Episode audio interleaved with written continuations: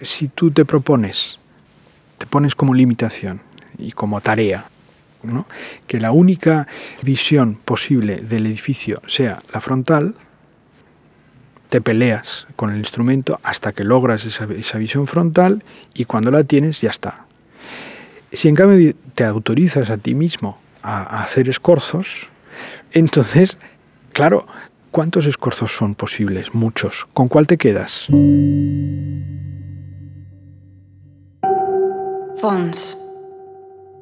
Obres de la col·lecció MACBA explicades pels artistes. Manolo Laguillo.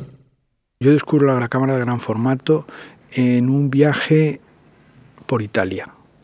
Mm, es curioso porque yo trabajaba siempre, trabajaba entonces con una cámara pequeña, con paso universal, tenía una Leica y tenía una Reflex. Y con eso me las apañaba.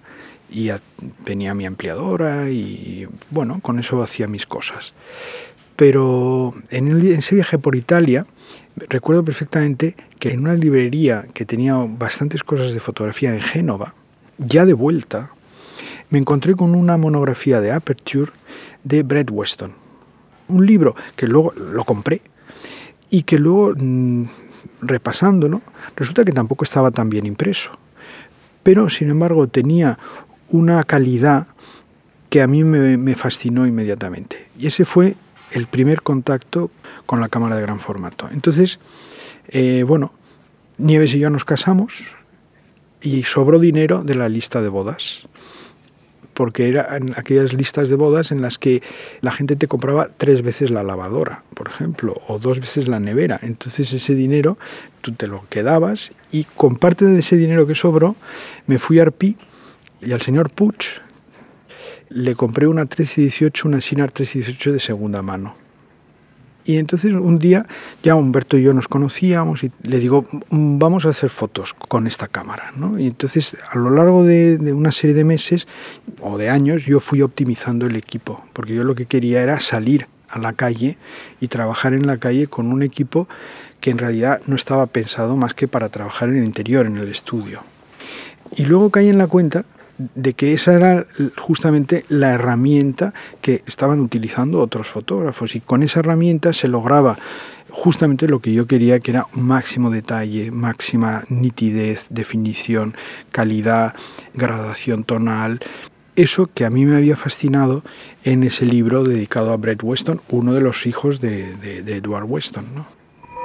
Pero a mí lo que me fascinó de la cámara de gran formato sobre todo era el control de la perspectiva, es decir, la verticalidad, el, el hecho de que eh, tú te coloques frente a un edificio y puedas controlar con una gran precisión el aspecto que va a acabar teniendo ese edificio. Es decir, que de lo que se trataba era de fotografiar determinadas cosas de una determinada manera. No solo el qué, sino también el cómo. Y el qué eran los edificios o las, digamos, las áreas mmm, situadas en la periferia de la gran ciudad o incluso dentro de la gran ciudad áreas que podríamos llamar periféricas, es decir, en Gracia o en el mismo ensanche, de pronto te encontrabas, como sigue ocurriendo ahora, aunque en menor medida, pequeñas áreas, pequeñas zonitas, en donde se podría hablar de marginalidad, es decir, de cosas que están como dejadas de la mano de Dios, por decirlo de alguna forma. ¿no? O sea, no necesariamente te tenías que ir a, al cinturón industrial, a, a la banlieue. En el mismo centro de Barcelona ya se daban esas situaciones. De hecho, la primera foto del libro Razón y Ciudad, la primera que aparece nada más abrir el libro, es una fachada que estaba delante de la Sagrada Familia, que era el cutrerío en estado puro. Pero eso era lo que realmente nos interesaba tanto a Humberto como a mí. A Humberto por unas razones y a mí por otras. Yo creo que la razón por la cual eso me interesa es, o en lo que yo veía el reto, era en fotografiar algo despreciado, ininteresante, eh, que a nadie le llamaba la atención y sacar a la luz lo que podía tener de magnífico, de significativo, de importante. Es decir, ir a fijarme, y que esta ha sido, yo creo que es una constante en mi trabajo, ir a fijarme en lo, en lo que está, eh, en lo que se ve con el rabillo del ojo, en lo que está como situado en los márgenes de lo interesante oficial, fijarme en eso, recuperarlo y redimirlo de alguna forma fotográficamente. Luego, al cabo de muchos años, la expresión está de Krakauer, de, de, Siegfried Krakauer, de la redención de la realidad física, la he encontrado siempre muy acertada. ¿no? El subtítulo este que usa Krakauer para su teoría del cine, que lo escribe en el, a comienzos de los años 60 en inglés. Eh, entonces, bueno, ese, ese es en el fondo mi programa, ¿no? recuperar lo, lo, marginal, lo intersticial, lo que está... Eh, lo, lo, que está como desatendido, básicamente, pues por, por las razones que sean. ¿no? Y luego, claro, había también un interés que no he tenido nunca demasiado interés en, en, que se manifieste de forma explícita, pero también un interés social. Es decir, a mí me interesaban esas zonas, pues porque eh, a, mi, generación le interesó mucho, éramos de izquierdas y le interesaba mucho, y, sí, yo creo que se lo seguimos siendo en la mayor medida de lo posible, mm, nos interesaba pues justamente lo que tenía que ver con los escenarios del trabajo, de la clase obrera, de, las relaciones de poder entre los diferentes actores sociales. Todo eso mm, siempre a mí me interesó. De una manera aparentemente menor o como subsidiaria o como de segunda, pero eso está muy claramente ahí. Claro, ¿por qué es una cosa que no me interesa? Porque yo nunca he sido de ningún partido. Y en los años 70 tenías que ser de un partido. Y esa es una cosa muy importante en el contexto. Es decir, o eras de, del PSUC, o eras del PSC, o de la Liga Comunista Revolucionaria, o, o del partido que fuera. Y a mí eso nunca me interesó yo siempre fui por libre, siempre fui a mi bola y en ese sentido eh, no me interesaba, no me gustaba nada la idea de hacer bandera política, convertir mis fotografías en algo, eh, digamos, asimilable a alguna dirección política concreta. ¿no? Me interesa que es política en el sentido más amplio, sin inscribirme en partido alguno.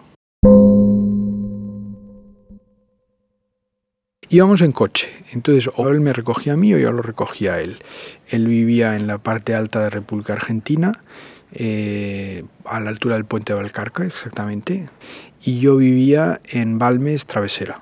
Entonces muchas veces pasaba él con sus dos caballos, o yo subía con mis 600 y lo recogía, entonces nos movíamos, ¿no? Claro, el sábado por la mañana o el domingo por la mañana era una maravilla moverse por Barcelona, aún más que ahora. Y entonces Humberto eh, tenía una relación con la periferia a través, esto también es cosas, son cosas en las que he caído a posteriori, pero yo creo que vale la pena que se sepan, a través de, de su, digamos, de su dedicación, de lo que le daba de comer a la fotografía de moda. Él trabajaba para una agencia de publicidad que estaba muy relacionada con Burberry's. Y Burberry's tenía en la zona olvidada de la diagonal, es decir, la que ahora está reivindicada porque se ha trazado y se ha urbanizado, etcétera, etcétera, la que está entre Glorias y el mar, ahí tenía el outlet, que se llamaba Burradas. Entonces era una situación muy graciosa porque la gente bien de Barcelona que no bajaba de la diagonal, es decir, mm, Barcelona aún ahora es un poco así, pero entonces era mucho más. Entonces, esta gente que no bajaba de la diagonal hacia abajo iba a comprar las cosas en el outlet de Burradas y Humberto iba allí porque allí era donde estaba el depósito, el almacén y por lo tanto toda la preparación de las campañas de publicidad se hacía allí los castings de modelos, etcétera, etcétera. Y yo creo que era esa la razón por la que Humberto conocía el Poplano ni más ni menos. Entonces, a partir de ahí, Humberto, que es que bien interesante, un argentino establecido en Barcelona es quien coge a uno de aquí y lo lleva a la, a la, periferia. Yo conocía la otra periferia porque trabajaba en Cornellá y yo lo llevaba en la Cornellá. Pero moverse por Barcelona era como más difícil que ahora, es decir, la idea de cambiarte de barrio era como no era tan evidente, ¿no? Realmente nuestras zonas de trabajo eran Poplanou y Bajo Llobregat, ¿no? Pero sobre todo el Poplanou, porque era cerca del mar, eh, todavía había mucha zona fabril y la razón por la cual yo creo que a Humberto Rivas, y esto también lo he deducido muchos, muchos años después, él de hecho ya había muerto, lo supe cuando fui por primera vez a Buenos Aires. Y entonces vi los barrios que le interesaban a Humberto. Y entonces entendí que esos barrios concretos de los cuales Humberto me había hablado mucho, resulta que él los estaba reencontrando en los años 70 en el Poplano. La razón por la cual fotografía el Poplano en los años 70 recién exiliado es porque está reencontrando su Buenos Aires natal. Y él de alguna forma lo sabe. Él sabe que lo que tiene ahí delante le remite, le, devuelve eso que ha perdido ¿no? y que está llorando. Hay un punto en, Humberto mucho más fuerte que en mis fotografías de nostalgia, de añoranza, de, de Heimweh, de melancolía. Yo en mis fotos no veo eso. Esas fotos, por ejemplo, de la zona inicial, el nacimiento de la diagonal, que hay en el catálogo del MACBA en las páginas 54 y 55, ¿no? Esas están hechas con Humberto y son interesantes precisamente porque en su intemporalidad hablan de esa zona a lo largo de 20 años. Están hechas en un momento concreto, a finales de los 70, pero se pueden utilizar como ilustrativas de lo que eso había sido 10 años antes o 15 años antes o 10 años después. ¿no? De hecho, esos edificios siguen existiendo. Pero ese, ese nivel de... No, no, solamente el nivel de dejación o de, de abandono o de falta de urbanización, que tiene que ver sobre todo con el hecho de que era la zona de los límites de la ciudad en donde todavía no había llegado el, el, firme, el, asfalto y las calles seguían siendo de tierra. Eh, no, no, era solamente eso, es decir, es lo que podríamos llamar la ciudad decimonónica. ¿eh? La ciudad que, que ha sido así hasta hace bien poco. Todas las ciudades eran así. En todas las ciudades te embarrabas cuando llovía y además no hay más que leer las memorias de, de, la gente para darse cuenta de que el firme es un invento relativamente reciente, ¿no? el, adoquinado. ¿no? El adoquinado se reservaba para las zonas centrales de la ciudad, las zonas importantes, las zonas altas. ¿no? Las zonas de, de, los bordes no, y eso es en realidad un vestigio de, de épocas anteriores.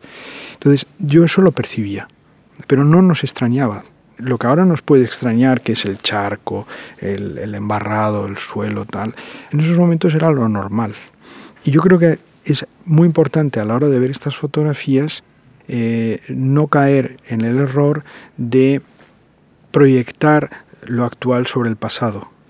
Sobre estas fotografías ya han pasado los suficientes años como para que podamos correr el peligro de pensar que a lo mejor a mí lo que me llamó la atención era que el suelo estaba embarrado no, a mí lo que me llamaba la atención era la geometría. Y me llamaba la atención la contigüidad entre la fábrica y las viviendas. Fábricas que por otro lado estaban en funcionamiento.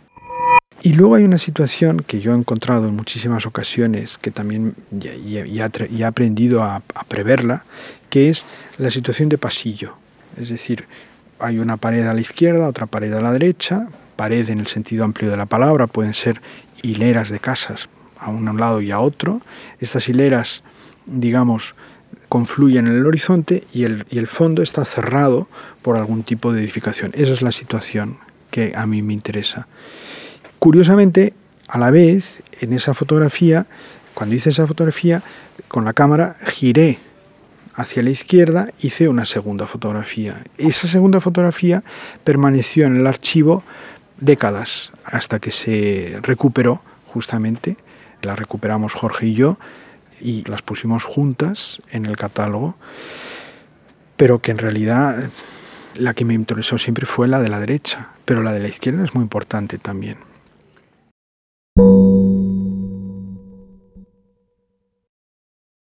Bueno, enseguida, eh, enseguida se ponen en contacto conmigo a través de conocidos, arquitectos, y empiezo a trabajar poquito para ellos. ¿no?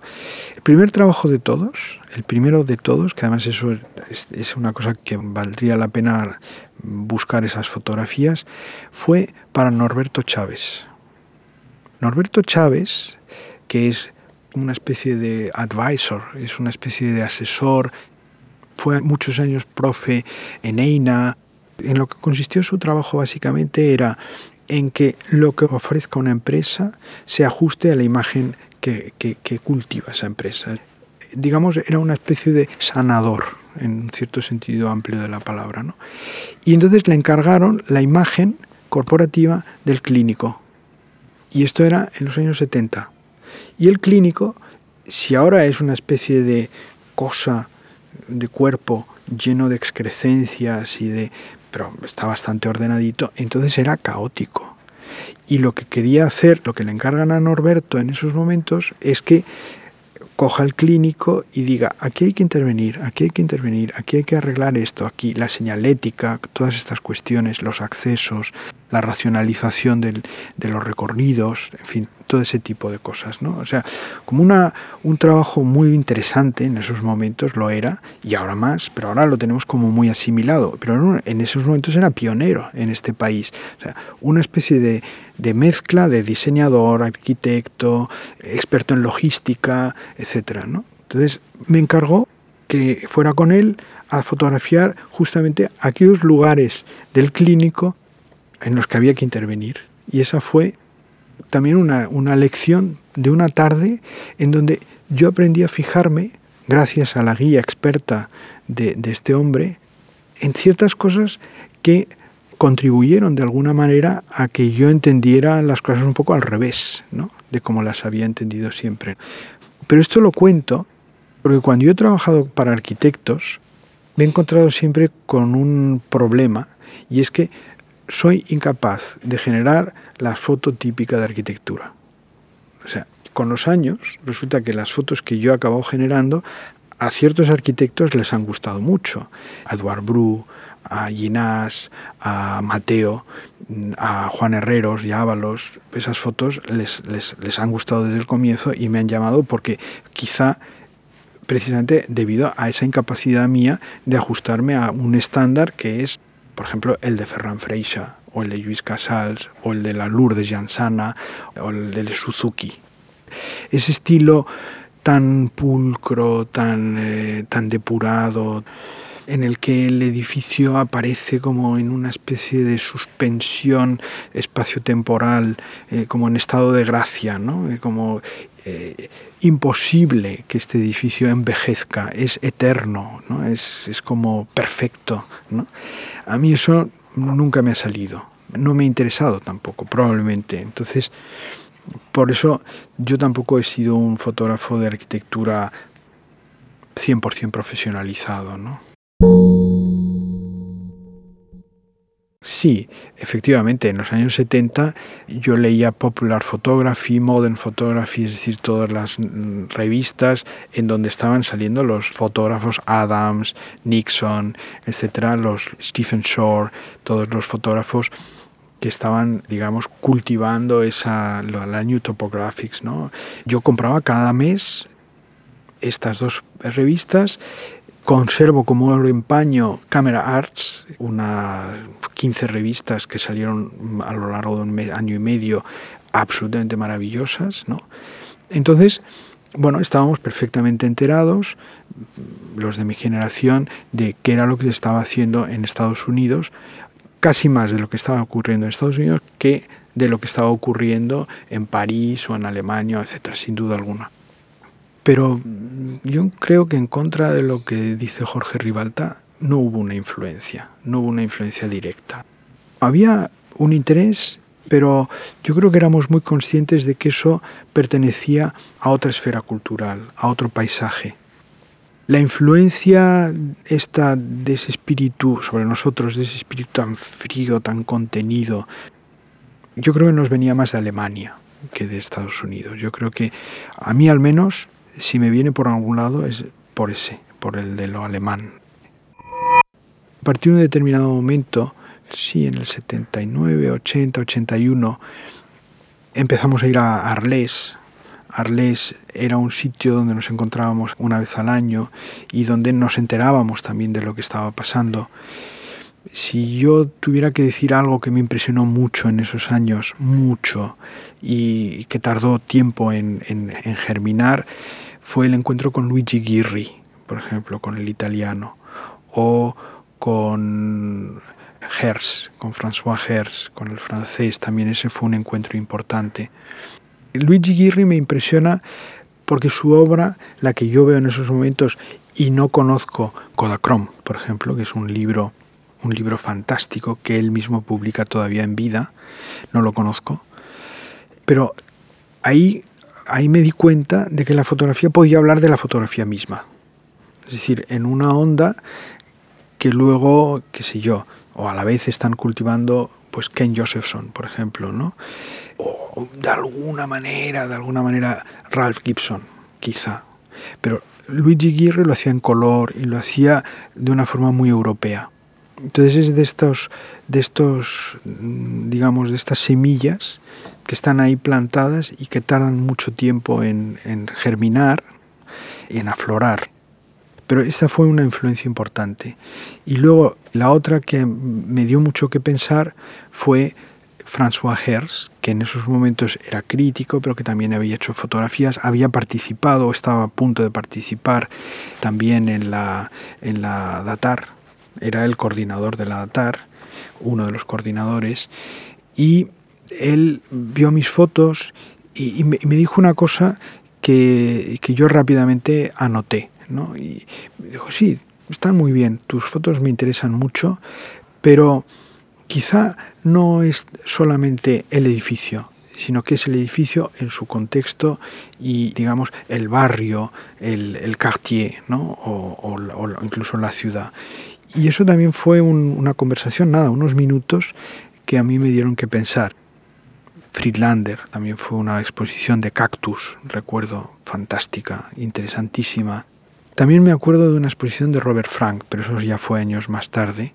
Eh, exposición interesante porque no solo a mí, sino a muchos nos hizo truntullar, nos hizo tambalear en, en, ciertas certidumbres relacionadas con la perfección técnica, con la ortodoxia, eh, etc. ¿no? Yo creo que ese, ese también es un, un camino que a mí me ha costado pero es el de desprenderme de una ortodoxia que yo mismo he contribuido a, a crear. El eje óptico o está a 90 grados de la pared, del edificio, de, de, de, lo que sea, o no está. O está o no está. Si está a 91, ya no está a 90. Y si está a 89, tampoco está a 90. En ese sentido, frontalidad no hay más que una. La frontalidad es un recurso que genera lo que podríamos llamar una pseudo-objetividad, en el sentido muy concreto de que la frontalidad la puede realizar cualquiera. Si somos cuatro fotógrafos y recibimos el encargo de ponernos frontalmente con respecto a la fachada del MACBA, la fachada principal, probablemente las cuatro fotografías desde el punto de vista geométrico acaben siendo intercambiables. Es decir, desaparecen las diferencias relacionadas con el hecho de que la primera la hizo fulanito, la segunda menganito, la tercera, etcétera. Son objetivas en ese sentido. Han perdido, se han desprendido de esa carga subjetiva que se asocia siempre a un escorzo. El escorzo, es decir, la visión ligeramente sesgada, ligeramente lateral, en donde las líneas horizontales fugan más o menos hacia un lado a la izquierda o hacia el otro a la derecha, el escorzo siempre es una visión con unas dosis mayores o menores de subjetividad. Cuanto más acusado sea el escorzo, es decir, cuanto más se acerque la cámara al plano que se está fotografiando y que se representa sesgadamente, cuanto más se acerque, más irreconocible es ese plano, más difícil resulta saber de qué se trata. A mí de entrada, en un momento de inseguridad con el instrumento, lo que me propongo, el primer capítulo de mi programa, es cultivar una frontalidad rigurosa. ¿Por qué? Porque, claro, en la frontalidad lo que ocurre, que es bien interesante, es que el enfoque tan simple, tan claro, tan fácil de entender. Sin embargo, llegar a esa frontalidad en la práctica, llegar a colocar la cámara para que la representación sea efectivamente cero sesgada, es difícil. Hay un, un cultivo, tienes que cultivar el mecanismo, tienes que ser muy, muy pesadito ser muy puñetero ¿no? y eh, estar muy pendiente de los niveles de burbuja, de la cámara, del, trípode, de cómo lo colocas. Eh, bueno, no es fácil.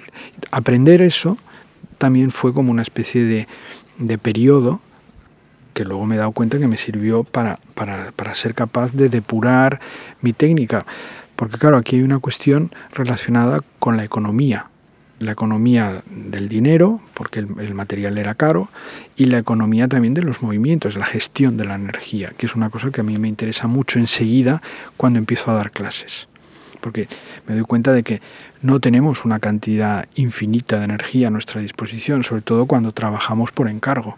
Es decir, en donde tienes que realizar lo que te encargan, obteniendo unos resultados en un tiempo que ha de ser el justo, porque el cliente no te va a pagar infinitas horas, te va a pagar justo las, las, adecuadas. ¿no? En ese sentido, la, la, frontalidad me sirvió como de escuela, ¿no? el cultivo de la frontalidad. Entonces, poco a poco, fui incorporando el esfuerzo, sobre todo porque había situaciones en las que la, la frontalidad era materialmente imposible. Entonces, ahí no tienes más remedio que aceptar lo sesgado, el escorzo. Y entonces poco a poco entendí, fui, fui asimilando la idea, me, fui desrigidizando, por decirlo de alguna forma, y fui aceptando que las cosas se podían hacer de más formas. ¿no? Y claro, eh, también empecé a darme cuenta de lo importante que era el primer término. Y entonces poco a poco fui subiendo el horizonte. Es decir, un horizonte que en principio estaba más bien abajo, por debajo de, de las tres cuartas partes o dos terceras partes, eh, acabó estando por encima de la mitad, incluyendo lo que había en el primer término. Yo creo que esta inclusión del primer término es importante porque pone terrenalizar las fotos, o sea, interesarse por las raíces, interesarse por lo concreto, por lo que tenemos delante. ¿no? Mi trabajo adquiere una cierta visibilidad a comienzos de los 80 porque empezó a positivar al platino. En la Galería Forum, en Tarragona, que era un sitio de referencia, este trabajo se expone, pero positivado al platino. Yo gané una beca de la Caja de Barcelona, que todavía no era la Caixa, y en esa beca yo proponía trabajar con el platino. Y esa fue, de alguna forma, la visibilidad que adquirió. Tienen que pasar muchos años, pero muchos, para que todo ese trabajo acabe siendo visible de una manera clara en, la exposición del 2007 en el MACBA. Es decir, ahí es cuando sale realmente a la luz y se vuelve en algo, mm, se integra plenamente en la memoria.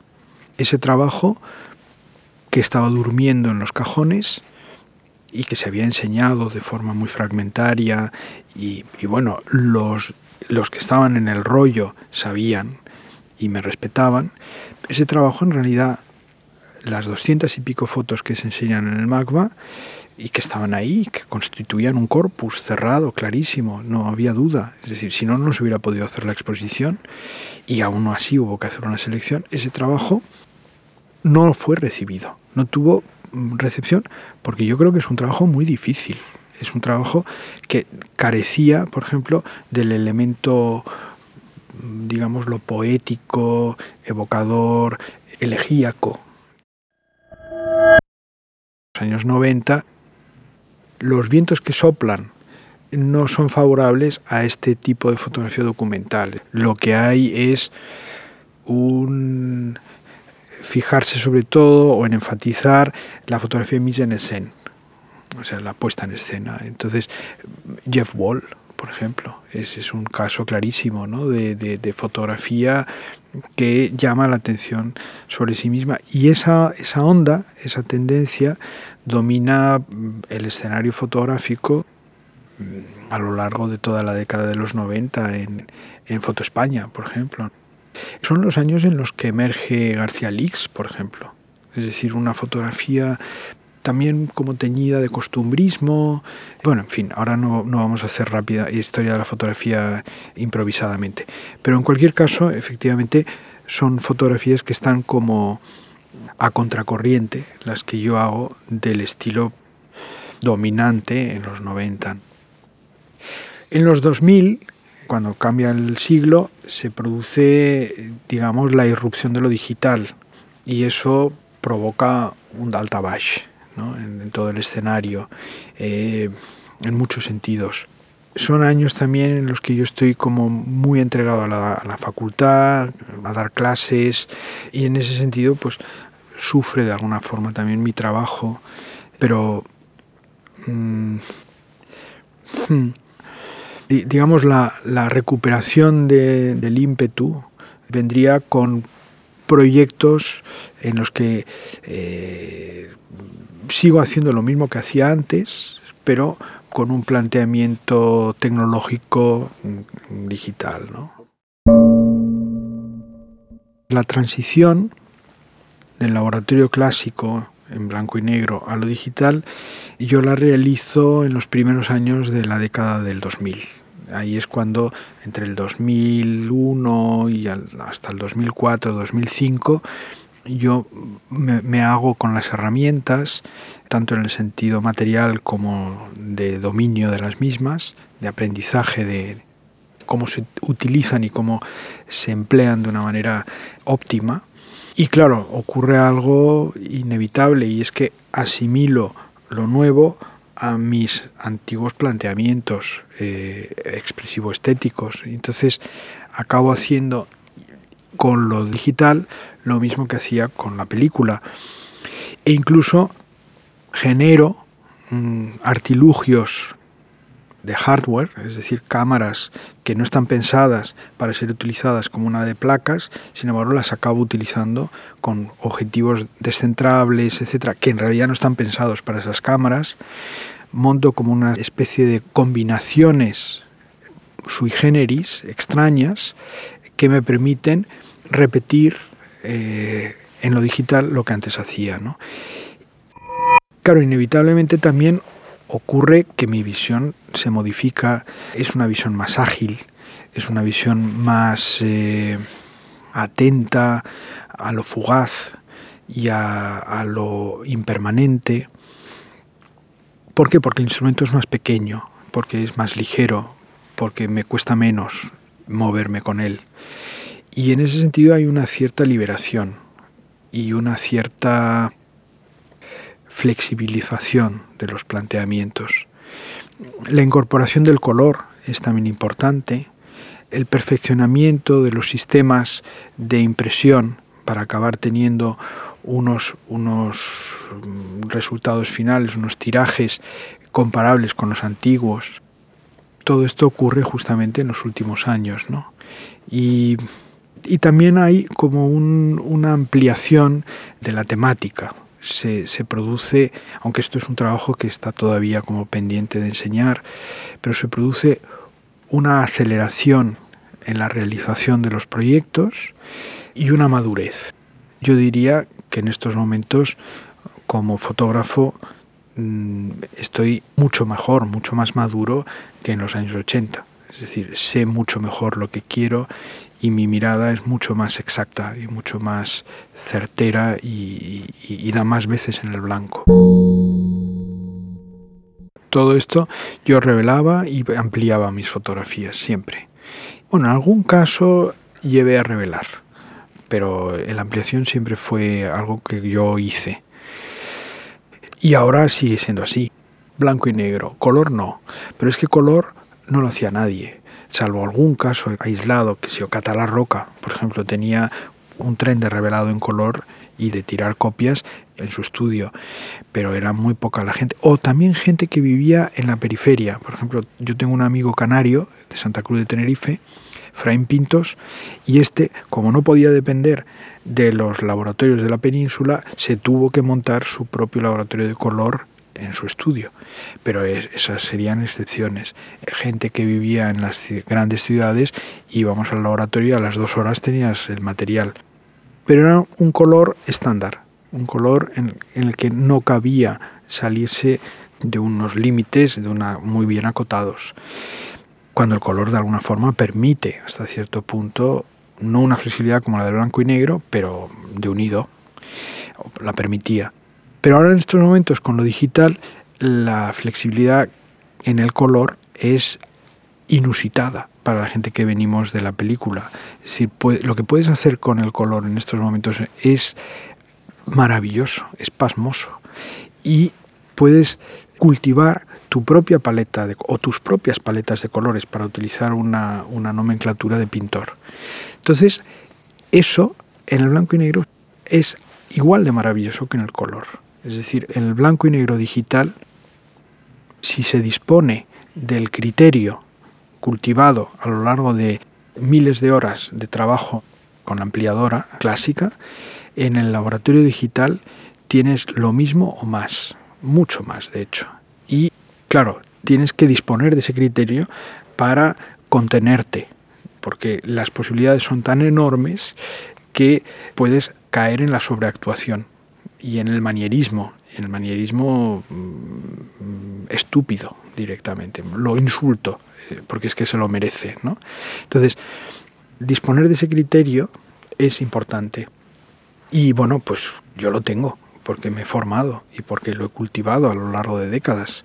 En ese sentido, yo no he hecho en absoluto en falta el laboratorio tradicional.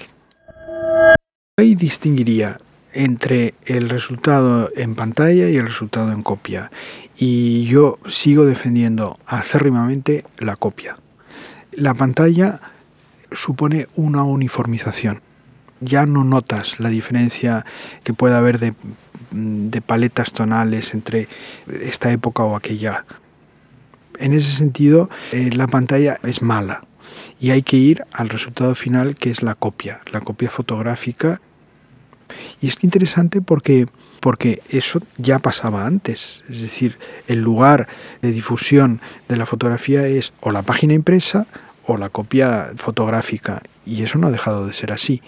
Es decir, el acceso que tenemos a las fotografías gracias a Internet, podemos usarlo bien si disponemos de vuelvo a repetir la expresión, de criterio fotográfico, del criterio fotográfico que nos permite proyectar sobre lo que estamos viendo en la pantalla aquello que la pantalla no nos ofrece.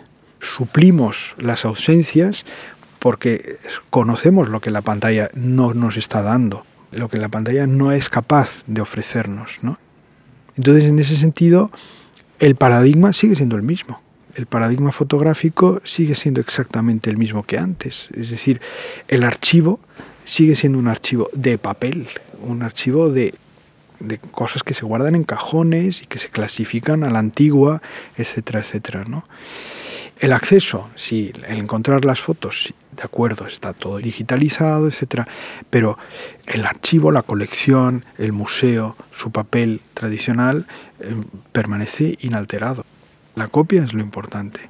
Y no lo digo por un problema simplemente relacionado con el mercado, sino porque es que realmente la sensualidad de la fotografía, el placer que te proporciona una copia, no te lo proporciona la imagen en el, monitor. Hasta que tú no ves una Y o un Walker Evans o un, Robert Adams, hasta que tú no ves esas fotos realmente hechas eh, como son, ¿no? como objetos hermosos, pues es que realmente no, no has entendido lo que es la fotografía. ¿no? Toco eh, instrumentos de viento, ¿no? La flauta de pico es mi instrumento de siempre y la flauta dulce llamada de pico Luego empecé hace años ya, hace, hace 14 años, con el laúd renacentista. Y desde hace un año menos, desde marzo de este año, he empezado con la viola da gamba. Y entonces estoy tocando la viola da gamba. Pero la viola da gamba tiene una cosa muy interesante y es que la mano izquierda es como la del laúd, se afina igual que el laúd. En ese sentido, ya la mitad del trabajo lo tienes hecho, por decirlo de alguna manera. Entonces tienes que aprender la técnica del arco. Pero es un instrumento muy, muy, muy hermoso. Pero lo que tiene la música es este elemento de la vibración, de la sensación, de algo que no se deja, se deja aún menos traducir a palabras que lo visual. Tú tienes un instrumento y estás tocando, y es un instrumento acústico, no es un instrumento electrónico. Y claro, como vibra, la madera vibra, tú la notas en el cuerpo. O sea, yo cojo mi viola, me la pongo así, como tiene que cogerse, cojo el arco, toco una nota y yo noto la vibración en todas partes. Y eso ya simplemente eso es una experiencia que si alguien ha cantado en un coro, por ejemplo, y cuando todas las cuatro voces están afinadas y se da un acorde, ya está. Pelos de punta, ¿no? La piel de gallina, pero es una cosa que es indominable y con eso yo creo que también, también me interesa relacionar la fotografía con una, una sensación, con algo que, que nos, nos entronca con la realidad de una manera tan directa y tan sin desvíos, ¿no? Es, es conexión directa, ¿no? te tocas, es algo táctil. En ese sentido la fotografía también me interesa y por eso me interesa en el comienzo una fotografía técnicamente muy limpia, muy perfecta, porque tiene algo de táctil. Ahí el gran, el que mejor lo formula para mi gusto es Álvarez Bravo, el mexicano, que también hace platinos. Y cuando él habla del platino, cita a Sor Juana Inés de la Cruz, la, poeta eh, monja mexicana del 18, y dice, con los dedos miro y con los ojos palpo.